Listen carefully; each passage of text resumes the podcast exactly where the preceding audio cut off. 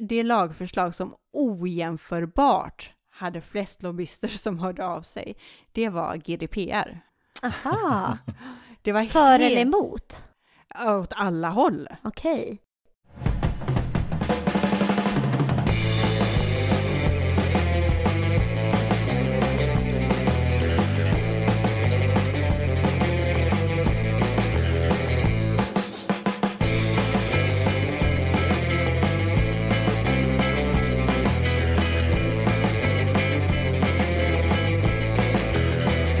Hej och välkomna till Euforipodden och det tolfte avsnittet. Jag sitter här med eh, Helena och Caroline. Hej! Hallå, hej! Hej hej! Vi saknar Björn även denna gång. Ja, vi hoppas att han kommer tillbaka till nästa avsnitt såklart. Och så önskar vi honom ett krya på sig. Det gör vi. Marco, får jag lov att fråga dig? Du har ju frågat oss andra varför vi eh, är de vi säger att vi är. Men du brukar ju, precis som jag, säga att du är EU-nörd. Hur blev du det? Ja, hur blev jag det? Jo, men det var nog, eh, jag var nog inte så tidig som du var, utan eh, det var snarare så att jag eh, hade ett gäng kollegor som pluggade på universitetet och läste just EU-kunskap och jag hade jättemycket intressanta samtal, för jag har alltid varit samhällsintresserad. Så jag hade jättemycket intressanta samtal med dem och jag visste att jag skulle söka mig till universitetet, jag visste bara inte till vad. Så då sökte jag statsvetenskap och internationella relationer och sen på den vägen är det EU-kunskap och annat. Ehm, så, och jag, jag tänker att man brukar beskriva demokrati som den eh, bästa av de dåliga lösningarna eller något sånt där.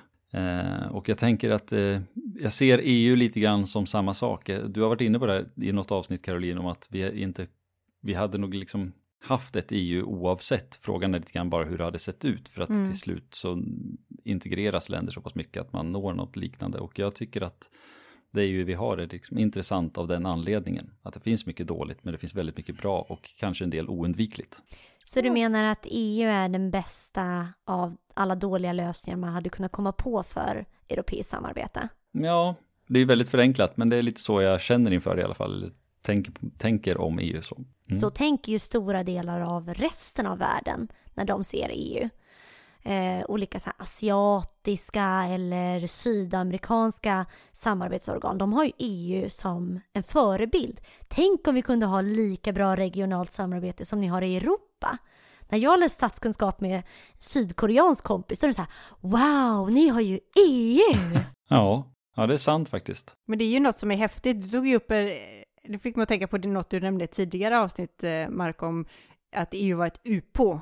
Just det. Un- Unidentified Political Object.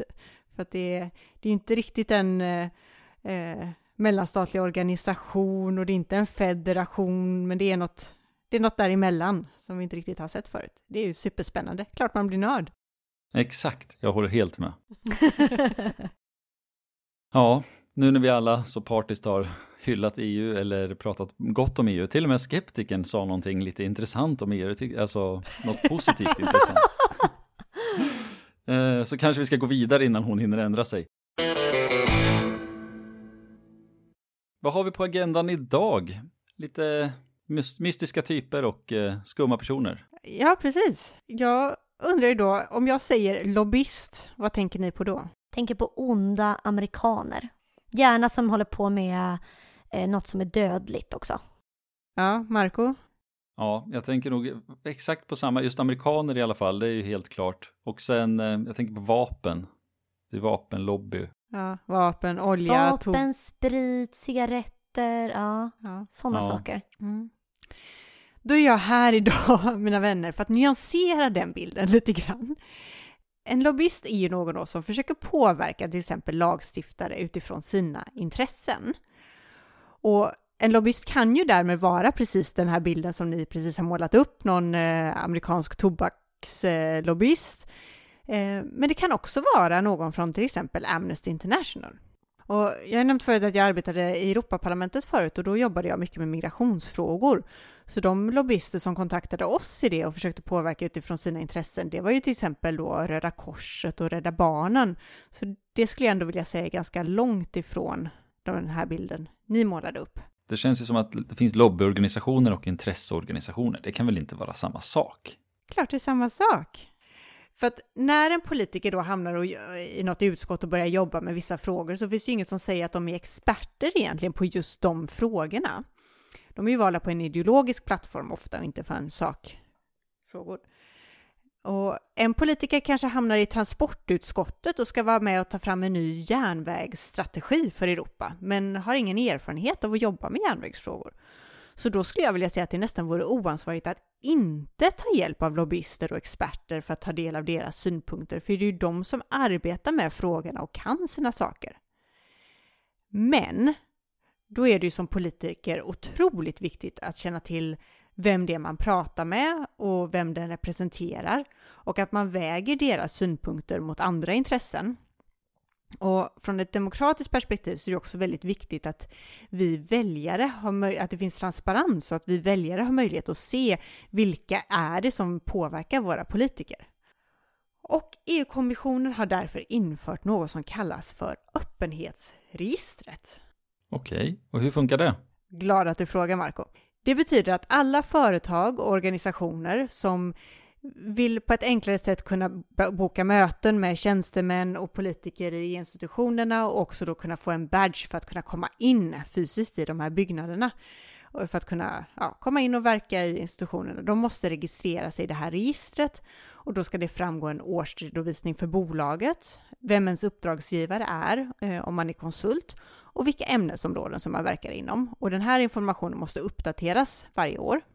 Och när man då bokar möten med till exempel någon tjänsteman i institutionen, då registreras det numret jag har för mitt bolag och så går det att eh, följa upp, för det registreras här i en databas och det går att följa upp vem som har träffat vem och vilka frågor man har pratat om. Okej okay, Caroline, hur många är det som finns registrerade i det här registret då? Väldigt kul att få den frågan också. Det är 11 677 då olika företag och organisationer som är registrade. Rätt mycket. Sen så är det såklart att det går att kringgå det här systemet. Om någon tjänsteman eller politiker vill så kan de också träffa någon person på ett café och sitta och prata om de här sakerna och det går utanför det här registret. Så det går såklart att kringgå. Men det här registret har gjort en väldigt stor skillnad för transparensen och öppenheten och alla seriösa lobbyister och tjänstemän respekterar ju det systemet. Och nu har vi inget sånt liknande system i Sverige. Och eh, för inte så länge sedan så hamnade Liberalernas partiledare Nyamko Sabuni i tidningarna eh, på grund av hennes då kontakter med Scania där man menar att det var oklart eh, vilka företrädare hon hade träffat när hon träffade några från en eh, public affairs-organisation som egentligen då gick Scanias ärenden och, och så vidare. Och den här diskussionen kom igång. Och då kan jag, jag passa på faktiskt att rekommendera en artikel på Dagens Opinion som föreslår att Sverige då borde låta sig inspireras av EUs lobbyregister och införa något liknande i Sverige. Egentligen är det konstigt att vi inte har något sånt. Vi är ju så himla måna om vår öppenhet och tillgänglighet och allt ska vara så transparent och fint. Det är ju lite konstigt att man inte har tagit tag i den här frågan i, i Sverige, i den svenska kontexten. Det håller jag med om, speciellt man sitter ju på sina höga hästar, Sverige, i EU-förhandlingar om eh, tillgång till dokument, för att vi tycker att ja, men vi har sån öppenhet i Sverige där du alltid kan begära ut offentliga handlingar och det är inte lika långtgående i EU och då tycker vi att EU är så dåliga på det. Men samtidigt har EU det här och det har inte vi någonting av. Så men eh, på Dagens Opinion kan ni hitta den här artikeln om ni söker på låt oss, hit, låt oss slippa fler lobbyskandaler genom ett offentligt register. Det är faktiskt lite intressanta tankar i det där. Sen så är det ju så att många företag och organisationer ingår i en europeisk paraplyorganisation. Så till exempel Svenskt Näringsliv är med i något som heter Business Europe och olika nationella organisationer som arbetar med migration och asyl är med i något som heter ECRE som är European Council on Refugees and Exiles. Så det finns väldigt många sådana europeiska paraplyorganisationer och det gör det ju lite lätt lättare för en mindre organisation i till exempel Sverige att kunna få hjälp att göra sin röst hörd i Bryssel för att det kanske finns likasinnade organisationer i de andra medlemsländerna så samlar man sig tillsammans för att få större möjlighet att påverka. Så de där 11 000 någonting, de kanske representerar typ så här 50 000 eller 100 000 Absolut. organisationer och företag som bara inte är fysiskt närvarande. Absolut. Men jag skulle ändå vilja säga att det finns ganska många företag i Sverige som inte har förstått det här med påverkansmöjligheterna i Bryssel. Och det är ju inte sällan som svenska intressenter försöker påverka i Sverige när EU-lagen ska genomföras i Sverige. Men för er som då har lyssnat på när vi pratar om hur EU-lag går till, då är ju, ni vet ju då att då är det ju alldeles för sent, för då har lagstiftningen redan antagits i Bryssel och när den väl ska genomföras i Sverige, ja då finns det ju ingenting, då kan du lobba hur mycket du vill, men det, det är inte uppe för förhandling längre. Så man måste ha koll på hur lagstiftningsprocessen i Bryssel fungerar om man ska kunna lyckas som eh, lobbyist och därför är det också många som anlitar konsulter som har specialiserat sig på detta. Om man skulle vilja bli då världens bästa EU-lobbyist, har du några schyssta tips då Caroline? Ja men gud, det finns massa tips alltså. Finns som potential. Det viktigaste är att göra sin hemläxa. Det är verkligen att känna till saker och ting tidigt. Komma med då tidigt i processen. Kanske redan innan ett förslag är lagt. Och vara påläst och sen att man riktar in sig på rätt personer och med det menar jag de som faktiskt är med och arbetar i den här lagstiftningen. Det är bättre att bygga upp en relation med de som faktiskt arbetar med sakfrågan än att skjuta brett och försöka få till ett möte med varenda EU-parlamentariker för att de flesta av dem kommer inte ens fatta vad det är man pratar om eller känna till den processen. Så hellre då bygga upp relationer, då blir man duktig.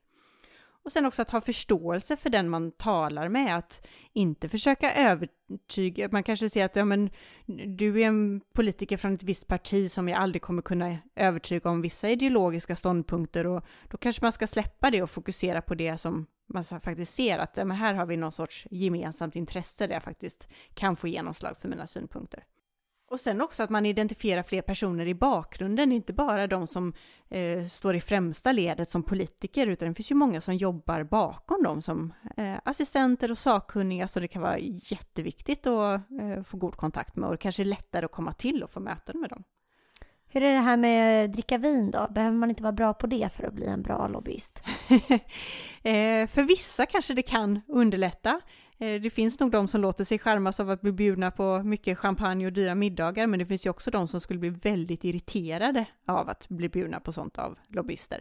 För att det insinuerar att de går att köpa på något sätt. Men får jag fråga, finns det någon eh, särskild politisk eh, grupp eller kanske något särskilt utskott som var liksom extra utsatt för lobbyister? Något sånt där som man märkte att oh, det där är lite mer det ja. hänger med lobbyister. Jo, men det skulle jag nog eh, säga att det absolut fanns på, på industrisidan. Men det som var det lagförslag som ojämförbart hade flest lobbyister som hörde av sig, det var GDPR.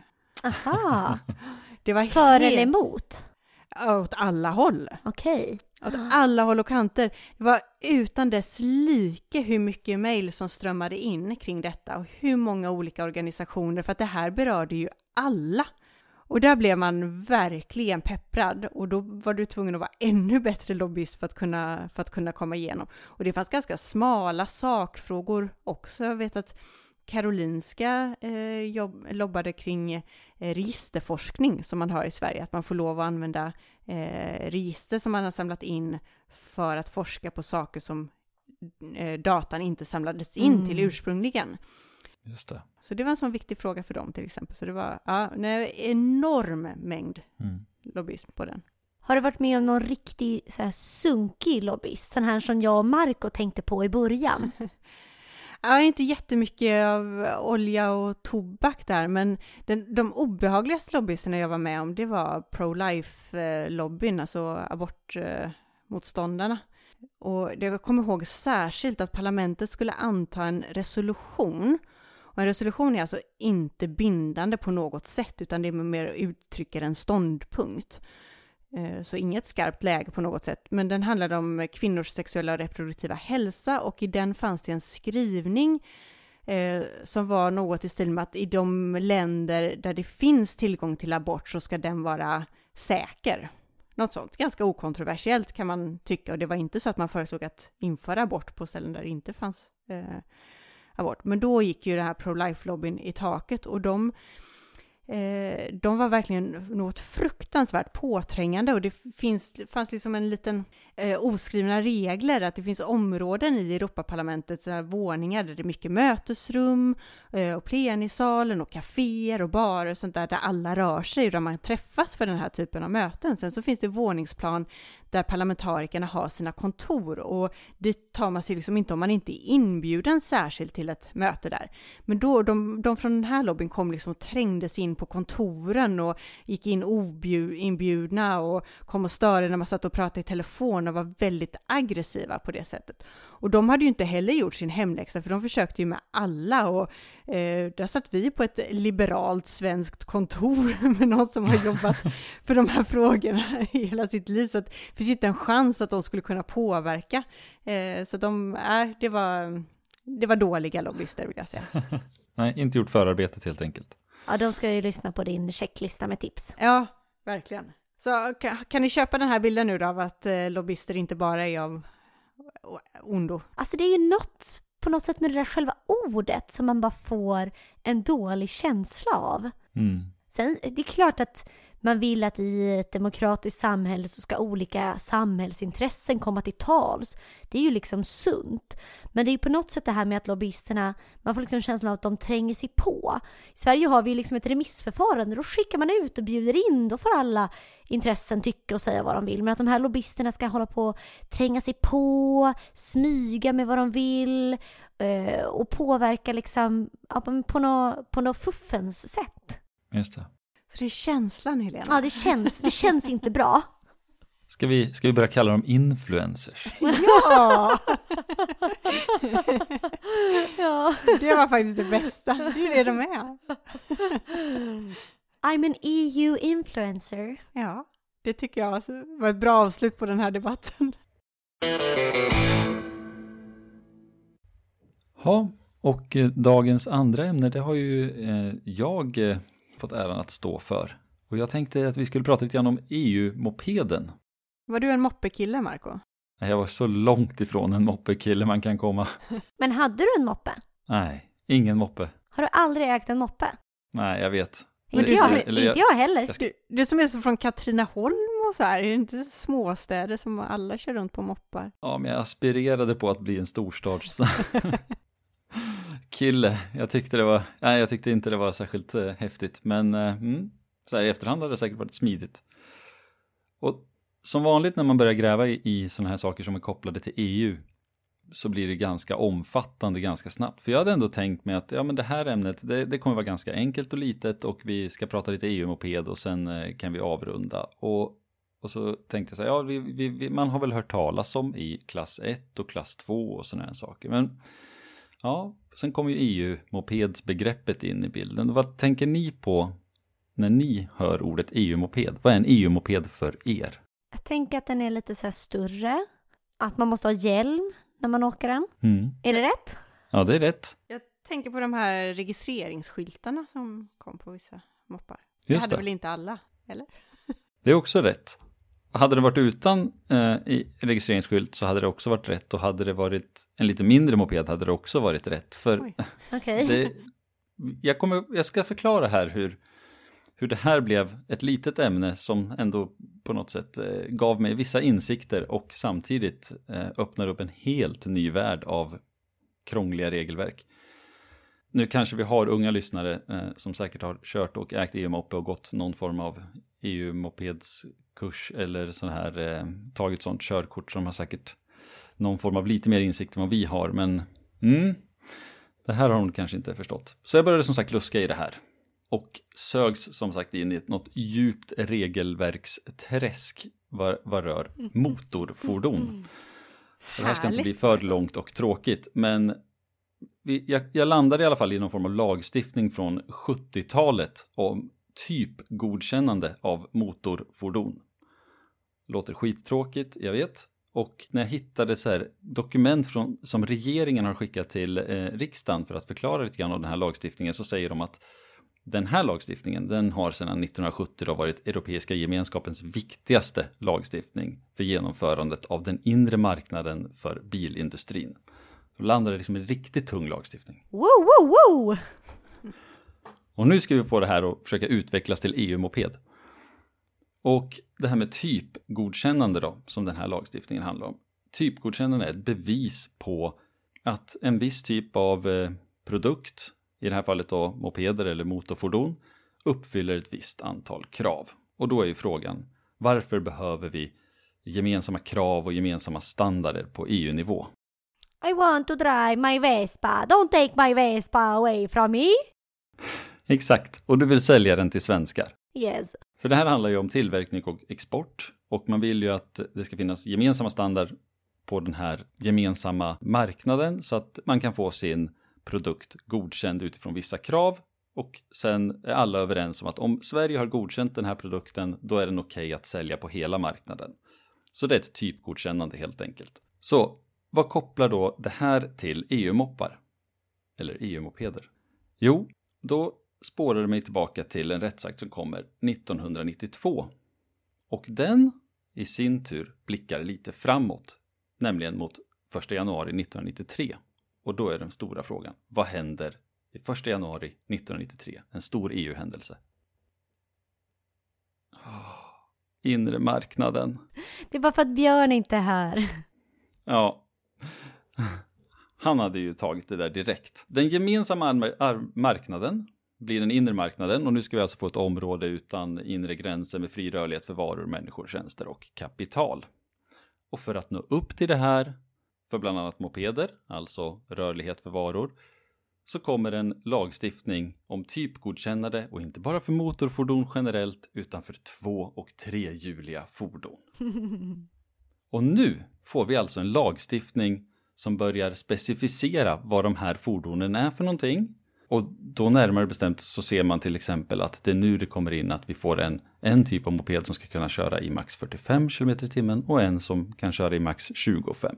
Och tidigare i Sverige hade vi haft klass 1 och klass 2 mopeder som båda hade fått köra i 30 km i timmen. Så det vi kan se nu det är att 1999 så träder det här i kraft och vi har alltså EU-mopeden som gör sitt intrång i Sverige.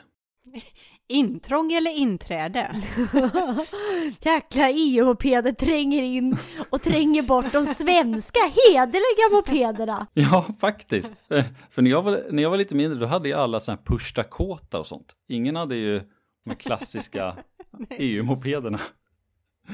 Och, och, det som var intressant med det här, det var ju liksom att jag hade inte riktigt förstått att, att EU-moped som jag trodde var en särskild bara form av moped precis som ni med registreringsnummer och att den var lite större. Det är alltså egentligen bara ett regelverk för alla typer av mopeder så att vi har vi kan godkänna, vi har krav på olika typer av mopeder och alla är ju reglerade på EU-nivå här.